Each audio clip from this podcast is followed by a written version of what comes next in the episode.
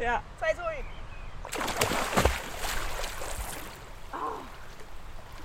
Er det godt? Nej, der findes ikke noget mere befriende end at være nøgen i vandet. Øj, hvor er det lækkert. Altså det her, det er virkelig følelsen af frihed, synes jeg. Ja. Og jeg synes, det er sjovt, fordi det her det er måske det tidspunkt, hvor jeg føler mig sådan mindst sexet og mindst seksuel. Altså det er sådan virkelig en ren følelse af at være en fri krop. Ja. Uden at der sådan... Jeg er et eller andet lige, andet oveni. filmer I? Vi laver lige en Vi, optagelse. laver, vi er lige i gang med at lave et radioprogram. Nu må vi undskylde. Det var i orden. Hvorfor skulle den herover? Det er mærkeligt. Speaking of at være en fri krop uden at blive seksualiseret. En situationsfornemmelse. Jeg står nøgen med en optager i hånden. Den kommer sgu da ikke over nu. Jamen, nu, nu svømmer han Ja, derovre. det er godt nok. Ja, det var virkelig mærkeligt. En ny generation af unge kvinder vil befri deres kroppe og begær. Men fra hvad? Du lytter til allerførste afsnit af 600-tallet.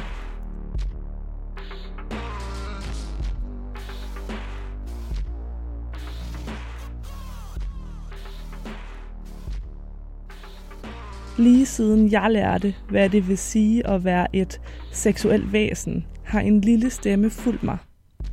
Den er her stadig, også lige nu. Jeg kalder den skammen. Du er billig. Tag mere tøj på. Du ligner en Jeg har altid været god til at ignorere den. Tale hen over den. Men nu vil jeg prøve at forstå den. Gennem 10 afsnit undersøger jeg min generations forhold til sex og skam. Og sammen med kulturhistoriker Mette Byriel Thysen dykker jeg ned i seksualitetens kulturhistorie for at forstå, hvad der har formet os. Mit navn er Louise Lindblad, og det her er historien om dit og mit begær. Afsnit 1. Den nøgne powerkvinde.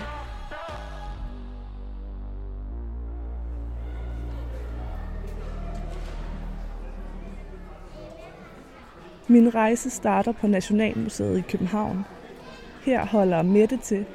Jamen, jeg hedder øh, Mette Byrel Thysen og er jo museumsinspektør på Nationalmuseet. Og jeg har simpelthen specialiseret mig øh, i historiske perspektiver på køn, krop og seksualitet. Øh, det her er noget, vi gemmer. All the good stuff. Ja. Jeg vil gerne forstå, hvilken fortælling vi historisk har skabt om den kvindelige seksualitet. Altså, så skulle det være... Øh, Boksen, hvor der står seks udråbstegn. øh, vi har en øh, fransk serie her, der hedder Den første nat. Det er brudenatten. Og her ser vi altså et øh, ungt øh, par, der kommer hjem til brudesuiten efter et veloverstået bryllup. De er klædt i smoking og i hvid kjole. Højhalset. Højhalset, helt. Lang er, lang Ja. jeg har lige skal lige skrue lidt ned på den her. Det var ligesom sådan den første scene. Man ser dem øh, øh, ankomme. Manden tager, tager hatten af. På scene nummer to har vi en kvinde, der øh, sætter sig på skødet af manden, og hun har ligesom taget sin overdel af. Hun har nu bare arme, mm. og man fornemmer en vis ømhed. Uha. Dog har man ikke mere travlt, end man lige tager sig tid til at drikke en god kop te, så det er ligesom sådan spændingen, der øh, opbygges, ikke? Jo. Nu ser vi, at manden knæler foran kvinden. Kvinden har taget øh, brudekjolen af. Den hænger sådan ned om hendes ankler. Og det er hendes undertøj, hvis den ser ind i. Hun blotter lige skulderen lidt. Ja. Og Okay, nu skal der et bryst frem. yes, så kommer næsten, næst sidste, altså næsten klimaks, ikke? som er, at øh, kvinden jo øh, sidder oppe på, på bordet eller oppe i sengen, og manden han øh, knæler foran kvinden. Kvinden viser sit bryst. Men læg lige mærke til, at hendes ankel, som er et mere sexet sted end brystet, det stadigvæk er dækket til. Og den store finale er jo så, at man ser ægteparet ligge godt gennem af vejen ned under dynen, og det var det. Og kvinden, hun rækker lige en øh, krans ud, sådan en, en blomsterkrans, en myrtekrans, og det er ligesom symbolet på, at hun er jomfru. Ja. Så det her, det er altså kvindekroppen i porno af 1906. Og grunden til, at det er interessant, den her sammenhæng, det er fremstillingen af kvinden som, som jomfru, ikke? Jo. Og jo også det her med, at kvinden bliver set som den her øh, dydige, kyske kvinde, der selvfølgelig ikke har haft sex før ægteskabet i den her pornografiske serie hører vi jo ikke noget om manden, der ikke har det, men det er vigtigt, at kvinden ligesom på den måde har styr på sine lyster, ikke bare giver sig hen og giver sin nøgne kvindekrop til den første, den bedste. Ja.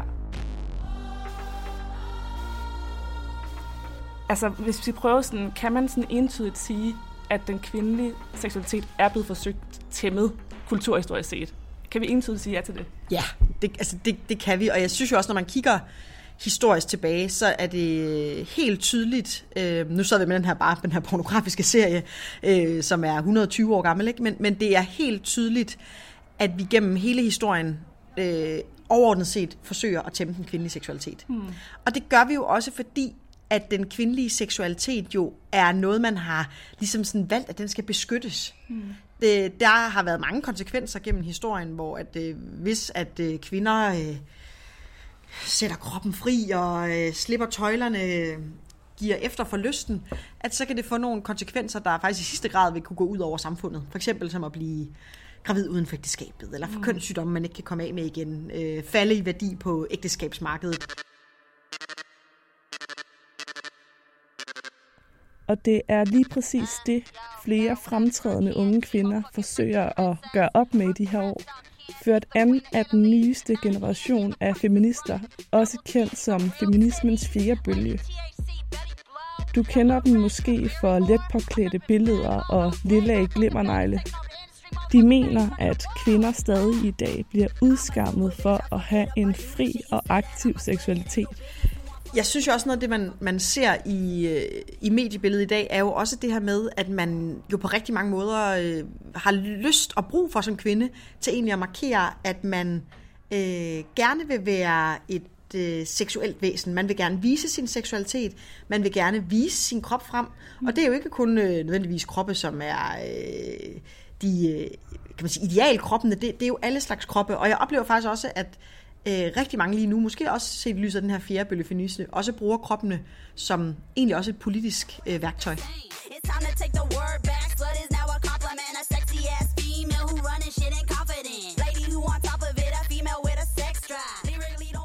Jeg skal tale med en af de kvinder, der gør netop det. Nå, jeg sidder og skruer lige ned på musikken her. Jeg sidder og venter på, at øh, Louise kommer ned og sidder ude foran hendes lejlighed. Hun går under navnet Twerk Queen. I virkeligheden hedder hun Louise Kølsen. Hej Louise. Louise. Det er også Louise. Tak. Og hun er kendt for at ryste røv i feminismens navn. Det er på sociale medier, hun regerer, med en her af næsten 80.000 følgere. Jeg plejer sådan lidt populært at sige, vi, altså jeg lokker mænd med numsen, og når jeg så har dem, så holder jeg fast og putter feminisme ind i hovedet på dem. Og så er jeg sådan set ligeglad med, om de klikkede ind på min Instagram for at onanere til min røv. Hvis de så går med et budskab om samtykke, eller om ikke at sende dick pics, øh, så hiv i fjederne alt, hvad du vil. Altså, det er sgu fint. Jeg du har allerede taget tøjet af. Jeg er så klar.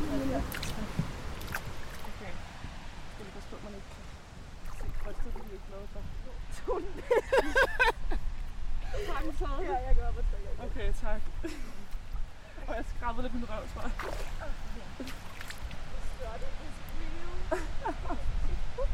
Så godt det kom. Kan du ikke være venlig at lade være med at kigge på os, mens vi er nøgne? Det er ret underligt. To, en. Okay. Nu er den her ret flotte. Mega flot. Nå, perfekt. Godt. Så er vi alle sammen med vores arbejde i dag. Så de skal ud på Instagram, nogle af dem der. Ja, det tænker jeg. Altså lige, de skal nok lige redigeres lidt først, ellers bliver jeg bare lukket som hvad, for nogle, hvad for nogle reaktioner tror du, nu er det meget, et meget uskyldigt billede det der, men hvad for nogle slags reaktioner tror du, du vil få på sådan et slags billede? Jeg tror ikke rigtig det store, faktisk. Nej. Jeg vil sige, nogle af de, jeg har lavet et par af de der vandbilleder før, altså hvor, bare ikke, hvor jeg var nøgne, men det er sådan, det er tit, når jeg tager virkelig smukke billeder, så er folk pisse ligeglade. det er for eksempel, det er så i badedragt, ikke? Ja. Men sådan 800 til folk pisse. Men det er også, måske også, fordi man ikke kan se min numse. Hvad, hvad er det så folk, de øh, ikke er ligeglade med? Det er de ikke ligeglade med. 3000. Det er bare min numse, der sidder på en, hvad hedder det, sådan en, en pæl nede ved havnen Ja, i hvor bikini. det bliver taget bagfra. Ja, det er min kusine, jeg er tvunget til at tage det. Skal vi prøve at finde et eller andet sted med lidt mere lag og Ja, mindre det er, ikke, creepy det er ikke særlig koldt. Så Nej. vi kan godt sidde udenfor, tænker jeg, så vi kan finde Ja. noget læg. Jeg har det her tæppe, man kan sidde på og sådan. I'm coming back in. I could kill a bitch, man, I'm so fucking crazy.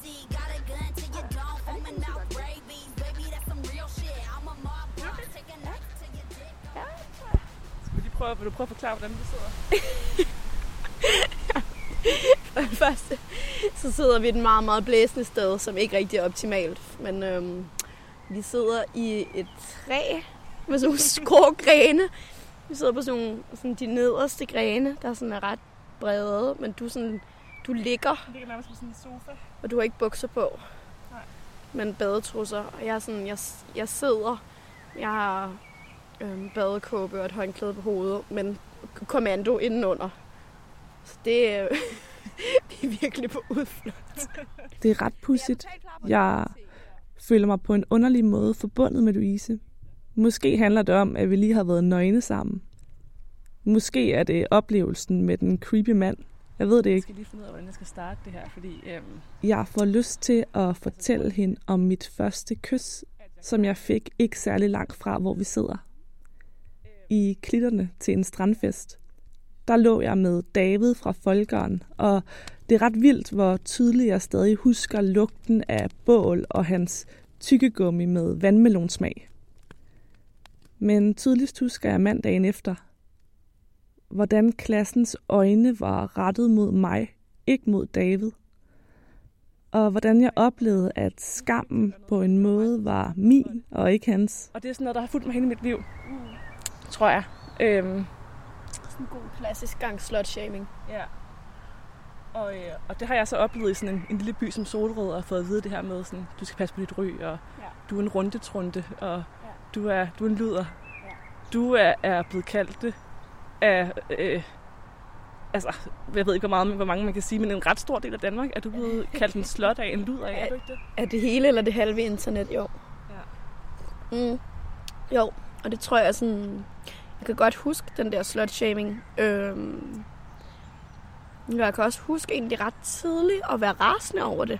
Mm. Og så hvis man spørger nogle af mine barndomsveninder, så er noget af det, det vil sige, at Louise hun var sådan en, der altså gik fra 0 til 100 i raseri over diskussioner om, at hvis en pige kyssede med nogen, så var hun en luder, og hvis en dreng gjorde det, var han en player. Altså hele den der uretfærdighed i, at der er forskelsbehandling, men også en uretfærdighed i... Kommer politiet også. Nå, hej. Ja, ikke? Fortsat god søndag. Ja, det har vi. Det er faktisk rigtig dejligt. Altså også fordi der er lidt lummert i dag. Det kan anbefales lige at smide tøjet og hoppe i. Vi undersøgte jo luderbegrebet ret grundigt, dengang vi... Måske lige forklare, hvornår I gjorde det, hvis det ikke Ja. er alle, der ved det. Jamen, øhm, jeg var en del af, kan man sige, et feministisk kollektiv, som vi kaldte øh, Girl Squad, med Nikita Klæstrup og Ekaterina Kraup Andersen. Og vi skrev den bog, der hedder Ludermanifestet, og der undersøgte vi jo luderbegrebet. Øhm, Faktisk første kapitel i det. ret gennemgående. Første kapitel handler om luderbegrebet. Og, og noget af det, jeg synes var så interessant, vi fandt ud af, det var jo, at kvinder jo ikke kun bliver kaldt luder, når de har en øhm, fri seksualitet. Altså når de har en, en hvad kan man sige, som du sagde, en udfarende seksualitet. Du kan også som kvinde blive kaldt luder, når du siger nej til at have sex med nogen. Eller hvis du, ja. altså, du bliver kaldt luder, hvis du er afklædt, men du bliver kraftet, men også kaldt luder, hvis du er påklædt. Altså, du bliver kaldt luder, hvis du fylder for meget i det offentlige rum, hvis du stiller dig op og siger din mening, hvis du er politisk aktiv. Altså, der er nærmest ikke en grænse for kreativiteten af, hvornår du kan blive kaldt luder. Altså, det er jo sådan et, et klassisk greb for at, altså, at begrænse kvinders frihed, som vi jo kan altså for eksempel spore helt tilbage i Gamle Testamente. Mm.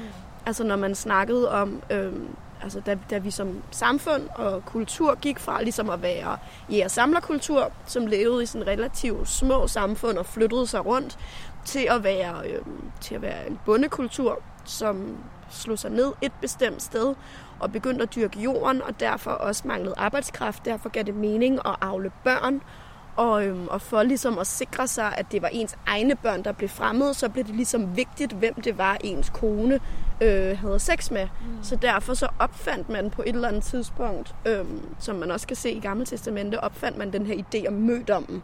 Ja. At mødommen ligesom er sådan en hinde, som, øh, som ligesom når man altså, køber en yoghurt, så kan man lige se, når den her yoghurt har ikke været åbnet før, der er ikke nogen, der har spist af min piece Melbourne, så kunne man også ligesom se, når, hvis, jeg, øh, hvis hende, som jeg har quote on quote købt, fordi det var jo en reel købsaftale mellem faderen og, og, og ægtemanden, øh, hvor der altså, indgik en betaling. Den kvinde, jeg har købt, og som jeg har fået lovet af, af altså, fødedygtig og kan afle mine børn, hun har ikke blevet aflet på af nogen andre. Derfor kan jeg sikre mig, at det kun er mine børn, der kommer ud af det, hvis hun bløder på øh, bryllupsnatten. Hvilket forresten kan jeg bare lige afkræfte den myte, at, at øh, et, mødom findes ikke. Der er ikke nogen hende, der er ikke nogen forsejling. To, ideen om, at kvinder skal bløde første gang, de har sex.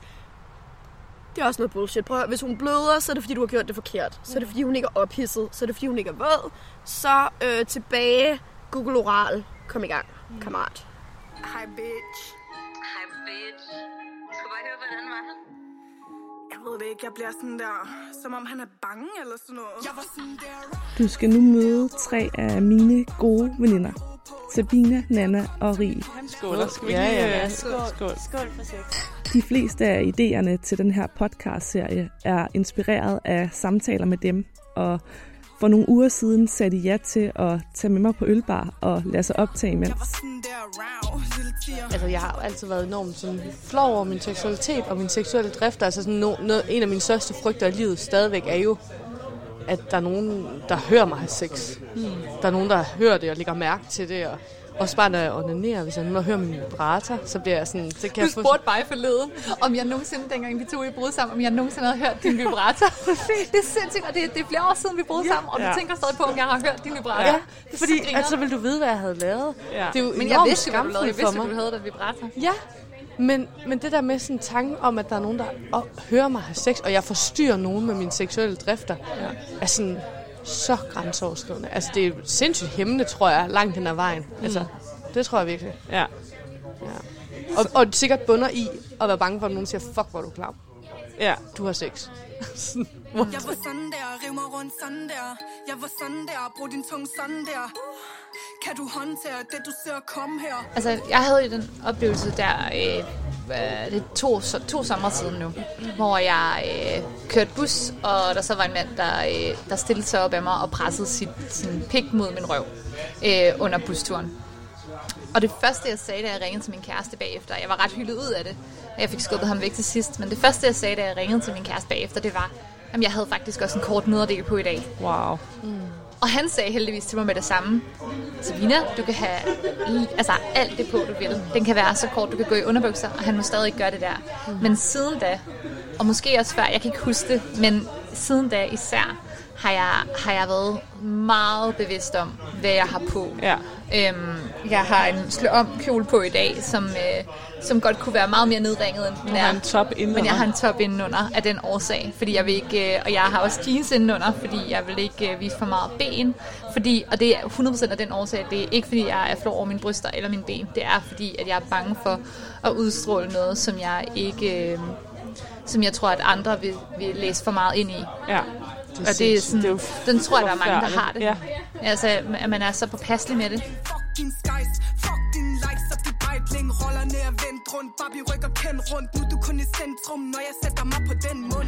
Er Ligesom kvinder er opflasket med, at vi skal være den pæne pige. Ja. Og vi skal ikke være driftstyret. Og vi skal ikke, jo, vi skal have en seksualitet, men det skal være... Jeg vil ikke se på mandens præmisser, men det skal stadig være... is- Altså, vi skal ikke være dem, der går ind og kræver, så nu skal der ske det og det. Nej. Og vi skal heller ikke være den, der sådan, til en fest drikker os ned, og så går hen til en fyr og er sådan, der er mig ude på toilettet nu, ikke? Der, der tror jeg da også, jeg har haft nogle, måske også tilbage i gymnasiet og sådan noget, for jeg er sådan en, der bliver meget... Jeg ved ikke, hvad du skal sige nu. Kom med det.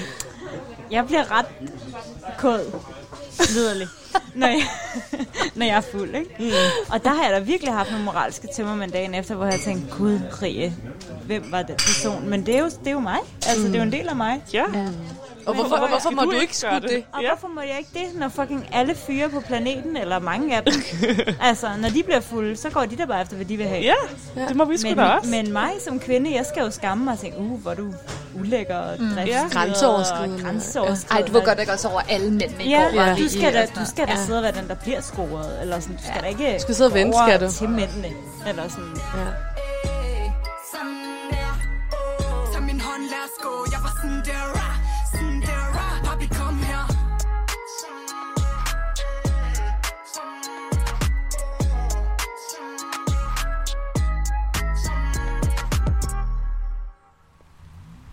dig har det at ligesom... Altså, du bruger jo, du bruger jo din krop på en måde til at befri den, ikke? Ja. Og, det, og det har været et, et middel, der har virket for dig. Jamen altså, den kvindelige krop er ligesom en politisk slagmark. Det, det er den det er den blevet gjort til, og det bliver den konstant konfronteret med at være. Man kan som kvinde ikke få lov til bare at være en krop. Så er det en statement af mellem nøgen, eller øh, det er fordi man lokker, man er nøgen, eller det er fordi man øh, skræmmer, man er nøgen. Altså, den kvindelige krop er altid et eller andet mere end bare krop. Og der tror jeg, at hvis den skal have et budskab, så vil jeg gerne selv være den, der definerer, hvad det er for et budskab. Ja. Altså igen, så tror jeg, at Hvad betyder det helt konkret? Jamen, altså, hvis der er nogen, der skal fortolke et eller andet, så lad mig da hjælpe dem på vej med at skrive et budskab på min numse. For de kigger på den alligevel, så kan der måske lige stå samtykke. Mm. Det synes jeg er fint nok. Og jeg tror, altså, en af mine kerneværdier er frihed, og, og frihed og magt hænger ligesom sammen. Og for mig, der handler frihed rigtig meget om, at, jeg tager, at det er mig, der har magten over mig selv. Mm.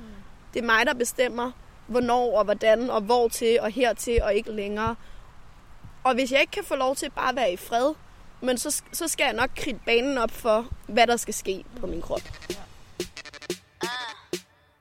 I'm coming back in. I could kill a bitch, man, I'm so fucking crazy. Got a good Louises måde at praktisere feminisme på har mødt en del kritik. Ikke kun fra internetkrigere, men også fra den ældre generation af feminister, der gik forrest i det, vi kender som 70'ernes kvindekamp. Man kan sige, det der jo var med, med 70'ernes feminister, det var jo i virkeligheden, at det var sådan set alt, de ville gøre op med. Ikke? Altså det, mm. det var alle aspekter i samfundet, øh, hvor kvinder manglede øh, rettigheder, hvor øh, kvinder manglede anerkendelse, og deriblandt jo også retten til at bestemme øh, over egen krop, for eksempel i hele abortspørgsmålet, hvor vi jo får fri abort i 73. Men på rigtig mange måder mente 70'er feministerne jo også, at kvindekroppen lå under for mandens idealer om, hvordan kvinden skulle se ud. Så det handlede også om at gøre op med øh, make-up-mærker og øh, tøjforretninger og sådan noget, som dikterede øh, et ret entydigt billede af, hvordan skulle kvinder egentlig se ud op gennem 50'erne og, og 60'erne, som var lidt sådan nogle velplejede husmødre, som øh, stod klar med tøflerne, når, når far kom hjem. Ikke? Øh, altid med frisk manikyre og øh, strutskørt og en lille hæl på, og selvfølgelig nylagt make-up. Ikke? Men i forhold til den her kritik, altså, så, øhm, så er det jo vigtigt, synes jeg, at huske, at feminisme ikke er og aldrig har været en homogen bevægelse, hvor at man ligesom sidder til et møde hver halve år og beslutter, hvad dagsordenen er. Mm. Og når man kigger historisk på feminisme, så har der mere eller mindre altid været øhm, ligesom modstridende grene inden for feminismen, når det kommer til netop krop og seksualitet. Mm. Man kan ligesom inddele det i dem, der er sådan pro-sex, og dem, der måske er lidt mere konservative. I 70'erne, som jo var altså, feminismens højborg, og en meget sådan frigjort tid, der var der jo også en ret stærk bevægelse inden for feminismen, som ikke mente, at det var feministisk at have for eksempel øh, bondage sex eller at være sexarbejder, øhm, men at det handlede om ligesom at underkaste sig for patriarkatet.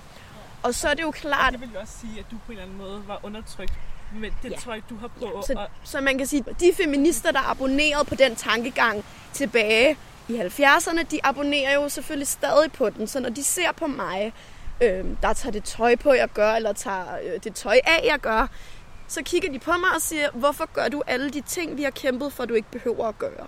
Ja. Hvorfor er det, at, at du putter dig selv ind i den boks, som vi har kæmpet for, at du skal ud af? Og det forstår jeg godt med, med det syn, de har, og den kamp, de har været igennem, mm. at de ser det sådan, fordi det er jo på grund af dem og alle de andre feminister, der har været før mig, øh, og de kampe, de har kæmpet, at jeg står et andet sted. Jeg har et andet udgangspunkt. Jeg må gerne komme ind på universitetet og få en uddannelse. Jeg må gerne stemme. Jeg kan godt have øh, lille glimmernegle og samtidig have en grad for universitetet, og samtidig diskutere samfundsdebatter. Fordi jeg lever i en verden, hvor jeg ikke længere behøver at vælge. Har du siddet over for nogle af dem, der har kritiseret dig og sagt de her ting? Ja, ja. Hvad, hvad siger de til det? Hvad siger de til det argument? Altså min fornemmelse er, at mange af de især feminister, som, som har været nødt til at gøre sig mandeagtige for at klare sig i den her verden, de har jo desværre, øh, som ved at tro, en overlevelsesmekanisme udviklet sådan et, et light Stockholm-syndrom, hvor de jo så har, har ligesom inkorporeret de her de her undertrykkelsesmekanismer i sig selv. Og det var jo det, man blandt andet kunne se i det, øh, i det interview, vi lavede, den debat, vi havde, jeg tror, det var i Deadline, mig og Mette Fugl, øh, for efterhånden mange år siden, hvor hun ligesom blev ved med at sige, jeg kan ikke tage det alvorligt, når du ser sådan her ud. Og så var jeg sådan, det er bare sjovt, fordi det er det, du lige har fortalt mig, at der var nogen, der fortalte dig, dengang du læste nyhederne op. De kunne ikke tage dig alvorligt, fordi du var en kvinde. Og nu vender du om, og så bruger du den undertrykkelsesmekanisme mod mig og siger, når du gør de her kvindeagtige ting, kan jeg ikke tage dig alvorligt. Mm. Og det synes jeg jo bare er altså, virkelig sørgeligt. Men jeg kan godt forstå, jeg kan godt forstå, hvorfor det er sådan. Fordi det er en anden verden, de er vokset op i, og jeg kan godt forstå, at de ikke kan forstå det udgangspunkt, vi har. Men jeg siger tak til dem, fordi det er på grund af dem blandt andet, at jeg ikke behøver at begrænse mig selv. At jeg som kvinde ofte har følt, at jeg har båret rundt på noget farligt.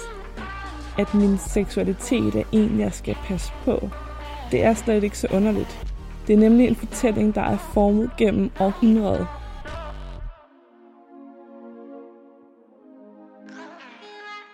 Så jo før man ligesom opdager det, at det her det er et stort scheme, og gør op med det, og ligesom join the luder side, fordi the luder side er væsentligt mere sjov og interessant, øhm, jo bedre. Velkommen til the luder side det er jo ikke fordi, vi er nået mål med de kampe, man tog i 70'erne, men jeg tror, det er øh, fuldstændig rigtigt set, at, at vi er jo et andet sted i dag. Og måske netop også, at den generation, der kommer frem nu, altså din generation, mm. de vil også opleve, at der stadigvæk er utrolig mange aspekter knyttet til kvindekroppen og knyttet til seksualiteten, hvor vi faktisk på nogle punkter måske ikke er nået så meget videre, mm. end vi egentlig var i 70'erne. Så derfor bliver det også et, øh, et, et politisk statement, som på en eller anden måde også kommer til at fylde nu, og som på en eller anden måde også måske er, er det, der er... Øh, øh, helt øverst på den feministiske dagsorden i de her år. 600-tallet er produceret af Nationalmuseet for Radio Loud. Jeg hedder Louise Lindblad.